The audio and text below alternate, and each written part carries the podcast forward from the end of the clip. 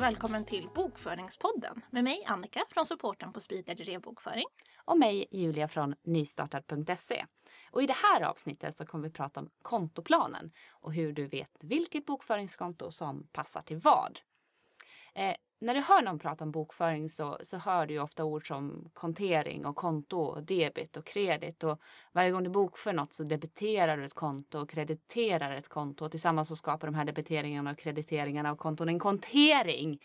Och det här kan ju verka jättesnurrigt och rörigt. Och det är det för många. Så därför ska vi idag bryta ner det här lite mer och förhoppningsvis så känner du i slutet av det här poddavsnittet att ja, men jag har lite koll på det här med bokföringskonton ändå. Eh, men Annika, vad tänker du på när jag säger 3010? Då tänker jag på försäljning. Och nu tänker du, är hon helt galen? Hur funkar den här norrländska hjärnan egentligen? Varför tänker hon på försäljning när någon säger 3010? Men det är helt enkelt så att 3010 är ett bokföringskonto som representerar just försäljning när du bokför. Precis. Och vi pratade ju lite snabbt om bokföringskonton i det första avsnittet. Till exempel så nämnde vi då att ett bokföringskonto är ju inte samma sak som ett bankkonto. Däremot så kan ett bokföringskonto representera ett bankkonto. Hänger du med? Ja. Så ett bokföringskonto representerar olika finansiella poster i ditt företag. Det innebär alltså att ditt bankkonto representeras av ett bokföringskonto i din bokföring. Och just för bankkontot så är det oftast ett kontonummer som heter 1930. Och vi kommer tillbaka till det här med lite fler nummer på bokföringskonton lite längre fram. Mm.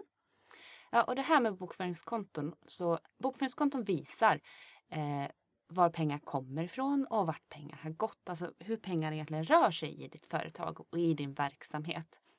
Och som vi tjatat om i tror jag alla avsnitt innan har vi nämnt det här. Eh, så har den här ekvationen alltid minst två bokföringskonton. Ett Minst ett bokföringskonto debiteras och minst ett krediteras för att man ska veta varifrån pengar kommer och var de hamnar. Så de rör sig helt enkelt mellan punkt A och punkt B i företaget. Eller så kan de röra sig utanför företaget där också. Men vilka konton du väljer eller vilka bokföringskonton du väljer beror ju helt enkelt på vilken sorts transaktion det här handlar om. Alltså på vilket sätt pengar eller tillgångar har bytt plats. Då.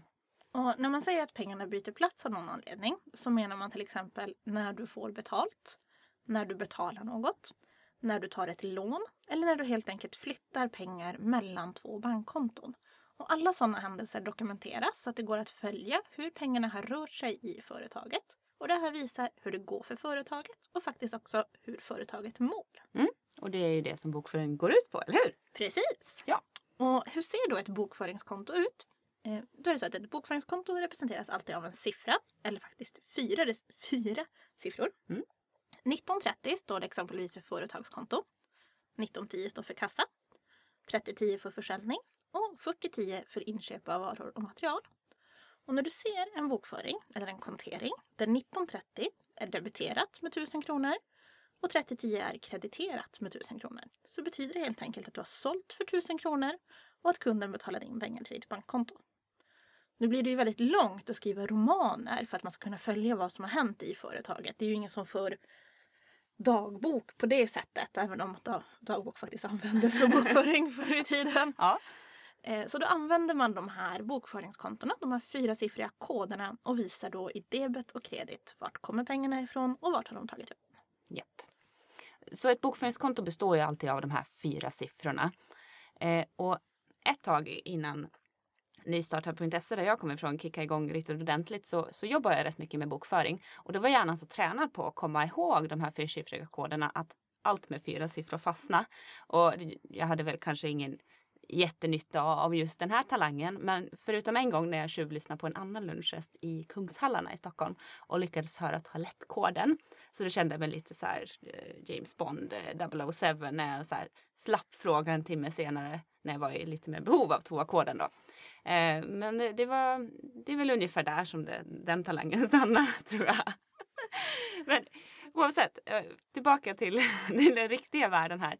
De här fyrsiffriga koderna som de flesta som pysslar med bokföring förr eller senare kan som rinnande vatten styrs i Sverige av en organisation som heter BAS. Och BAS-gruppen har ett antal baskontoplaner som i princip alla som bokför följer och alla bokföringsprogram följer de här också. Och det finns lite olika varianter av de här kontoplanerna beroende på vilken bolagsform du har. Så om du har en kompis med ett aktiebolag eller om din bokföringsgranne då har ett eget aktiebolag till exempel så kommer den här bokföringsgrannens kontoplan att skilja sig lite från din om du har en enskild firma. Eh, bokföringsgrannen kommer inte ha några problem med det här ändå för att eh, de kan ju bokföring och kontoplanen är inte så olika. Det bara skiljer sig lite små detaljer mellan bolagsformerna. Och även Spillad e-bokföring, det programmet använder sig av baskontoplanerna, eller hur? Absolut, det vore ju konstigt annars. Alla konton bygger ju på de här baskontoplanerna. Och vill du kika lite mer på dem så kan du gå in på bas.se. Det finns väldigt många bokföringskonton så bli inte helt matt. Det är bara ett visst antal som du kommer att använda. Eh, skulle du råka ramla över en lantbrukskontoplan mm. då kommer du hitta konton för strutsar och sånt. Och är det så att du säljer byggvaror så lovar jag att du aldrig kommer behöva bokföra några strutsar. Precis. Då behöver man dessutom ändra sin eh, företagsbeskrivning om man ska börja sälja strutsar. Ja, det kan vara viktigt att komma ihåg att eh, om du ska byta bransch till just strutsbranschen så uppdatera dina SNI-koder. Ja. Men hur ska man veta vilket bokföringskonto man ska välja här egentligen? Ja, alltså det här kommer man, det här kommer fastna så småningom. Det här, jag kan drömma om sånt här. Ja. Men vi ska dra en liten, en liten kort sammanfattning här då vad som betyder vad som är vad. I kontoklass 1 så finns alla konton som börjar med siffran 1. Ja. Och det här är tillgångar, alltså bankkonton och sådana saker. Byggnader, inventarier, sånt som är värt någonting kan man säga. I kontoklass 2 finns skulder och eget kapital. I kontoklass 3 finns intäkter, pengar in från försäljning till mm. exempel. Kontoklass 4 finns material och varukostnader, alltså sånt som du köper in för att kunna bedriva din verksamhet. Som du antingen använder och omvandlar till saker eller som du köper in för att sälja vidare. I kontoklass 5 och 6 finns övriga kostnader, sånt som du behöver köpa in men som du kanske inte ska sälja vidare om du har en lokalhyra eller om du behöver köpa in kontorsmaterial och sådana saker. Då kommer det hamna här. I kontoklass 7 finns personalkostnader, lönekostnader och sådana saker. Observera att om du är en enskild firma och inte har några anställda så kommer du aldrig att använda kontoklass 7. Och I kontoklass 8 finns finansiella intäkter och kostnader. Sånt som hör ihop med räntor och sådana saker. Mm. Där. Precis. Det är väl en kontoklass som man inte använder jättemycket förutom vid liksom bokslut och man bokför ja, ränta och sådär. Ja. Eh, nu ska vi ge oss på det lilla konstnumret och bryta ner det här lite och förklara lite mer ingående och förhoppningsvis göra det lite enklare för dig att veta vilket bok, bokföringskonto som hör vart. För bara genom att höra de här kontoklasserna kanske inte säger så jätte, jättemycket alla gånger. Eh, så Annika, take it away. Take it away. Om vi börjar med våra direkta kostnader.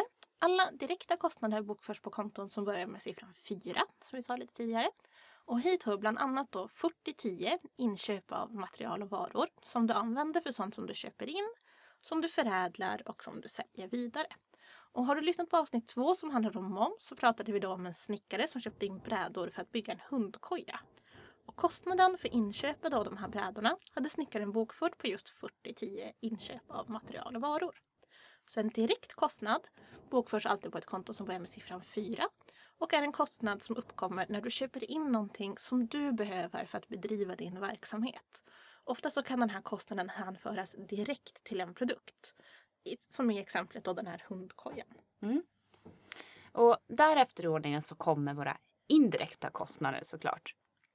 Och alla indirekta kostnader, eh, det vill säga alltså kringkostnader som man har, bokförs på konton som börjar på siffrorna 5 eller 6. Och en indirekt kostnad är till exempel som vi nämnde innan. Det kan vara lokalhyra, det kan vara reparationer av olika slag, transporter, försäkringar eller till exempel din mobilräkning om du har en företagsmobil. Det är en indirekt kostnad. Och alla de här kostnaderna som du har då eh, som indirekta, de är nödvändiga för att du ska kunna hålla igång din verksamhet. Men de kan liksom inte direkt hänföras till en produkt. Du behöver kanske mobilen för att ringa eh, brädgården för att köpa de här brädorna. Men du kan liksom inte direkt hänföra till att men, den här mobilräkningen, det blev en hundkoja. det är lite svårare att göra. Liksom. Ja, svårt att påvisa. Ja. Så indirekta kostnader bokförs alltid på konton som börjar på siffran 5 eller 6. Och sen kommer vi till det här då med kostnader som rör personal. Och precis som jag sa tidigare så kan om du har en enskild firma då kan du stänga av öronen nu. Tänk på sommar och sol ett tag. Mm. Eftersom att du då inte tar ut någon lön utan du bokför istället ett eget uttag på bokföringskonto 2013. Eget uttag. Men tillbaka till den som faktiskt har personal. Kostnader för personal och löner bokförs alltid på konton som börjar med siffran 7. Och det kan vara allt från dina faktiska lönekostnader till inköp av fika som bokförs på konto 7690, övriga personalkostnader. Så lönekostnader och personalkostnader bokförs på konton som börjar med en sjua. Yes. Och sist men inte minst så har vi det här med moms. Och konton som börjar på siffran 2 är alltid någon sorts skuldkonton. Men delar man upp det lite mer så kommer man in på momskontona. Som allt, så allt som har med moms att göra bokförs på konton som börjar på siffran 26. Och några vanliga momskonton är 2641 ingående moms, eh, 2611 utgående moms på sån försäljning där man har 25% moms och så har vi 2650 som är momsredovisningskonto som du använder när du gör dina utbetalningar till Skatteverket när du betalar moms. Eller när du får tillbaka moms, då använder du 2650. Eh, så handlar det om moms, då bokförs det på ett konto som börjar på siffran 26. Eh, men Annika, vilket, vilket är det mest använda bokföringskontot tror du? Spontant skulle jag säga 1930, företagskontot. Jag hoppas att det är allas mest använda ja. bokföringskonto. Förhoppningsvis också i debet, vilket betyder att ni har fått in pengar. Eh, men det är lite olika. Eh, sen kan man också säga som enskild firma så tror jag att 2013 eget uttag mm. och 2018 egna insättningar är väldigt vanliga. Eh, något av de vanligaste kontona som jag ofta pratar med våra kunder om det är ju 5410 förbrukningsinventarier. Just det. Och här hamnar ju alla, jag skulle vilja säga småstora inköp. Jag vet inte om det är ett, om det ja, är ett riktigt, det om det är ett riktigt ord. Men om du köper in lite dyrare saker men som fortfarande inte är dyrare än ett halvt prisbasbelopp. Om du behöver en dator till exempel eller om du behöver köpa ett riktigt snyggt skrivbord som du kan sitta och bokföra vid. Då kommer det mest troligt att vara en, en förbrukningsinventarie. Just det. Och sen så kommer det finns ju ganska mycket exempel. 6110 kontorsmaterial är ju också vanligt och 3010 försäljning är ju förhoppningsvis ja, men den, jättevanligt. Den måste man ju liksom bara älska när man bokför. Precis. Ja. Och sen så måste man ju också till, tillägga någonstans här att du behöver inte kunna alla de här kontona utan till. Det är ingen som kommer komma och knacka på mitt i natten och be att du ska rabbla de här. Nej. Om ja, då kan du alltid gå över till bokföringsgrannen och fråga det här. Liksom. Precis, på, här? på, liv och död. Den typen av tentakunskap behöver du inte. Inte för att bedriva en, en verksamhet. Men det, det finns väldigt många program eh, som kan hjälpa dig med det här. Och det finns, det kommer, du kommer få förslag och du, det kommer komma med tiden. Och teknik är ju fantastisk. Mm. Så att använd tekniken för att göra livet enklare. Ja. Så vem, vem älskar inte teknik som kan göra sådana här val åt en så man slipper komma ihåg saker själv? Precis. Ja. Och det här var allt som vi hade tänkt att prata idag. Eh, och som vanligt så är det så att du vill lära dig mer om bokföring så är du alltid välkommen att anmäla dig till någon av våra gratis webbkurser. Och de finns på speedlearning.se webbkurs. Tack för idag och trevlig bokföring!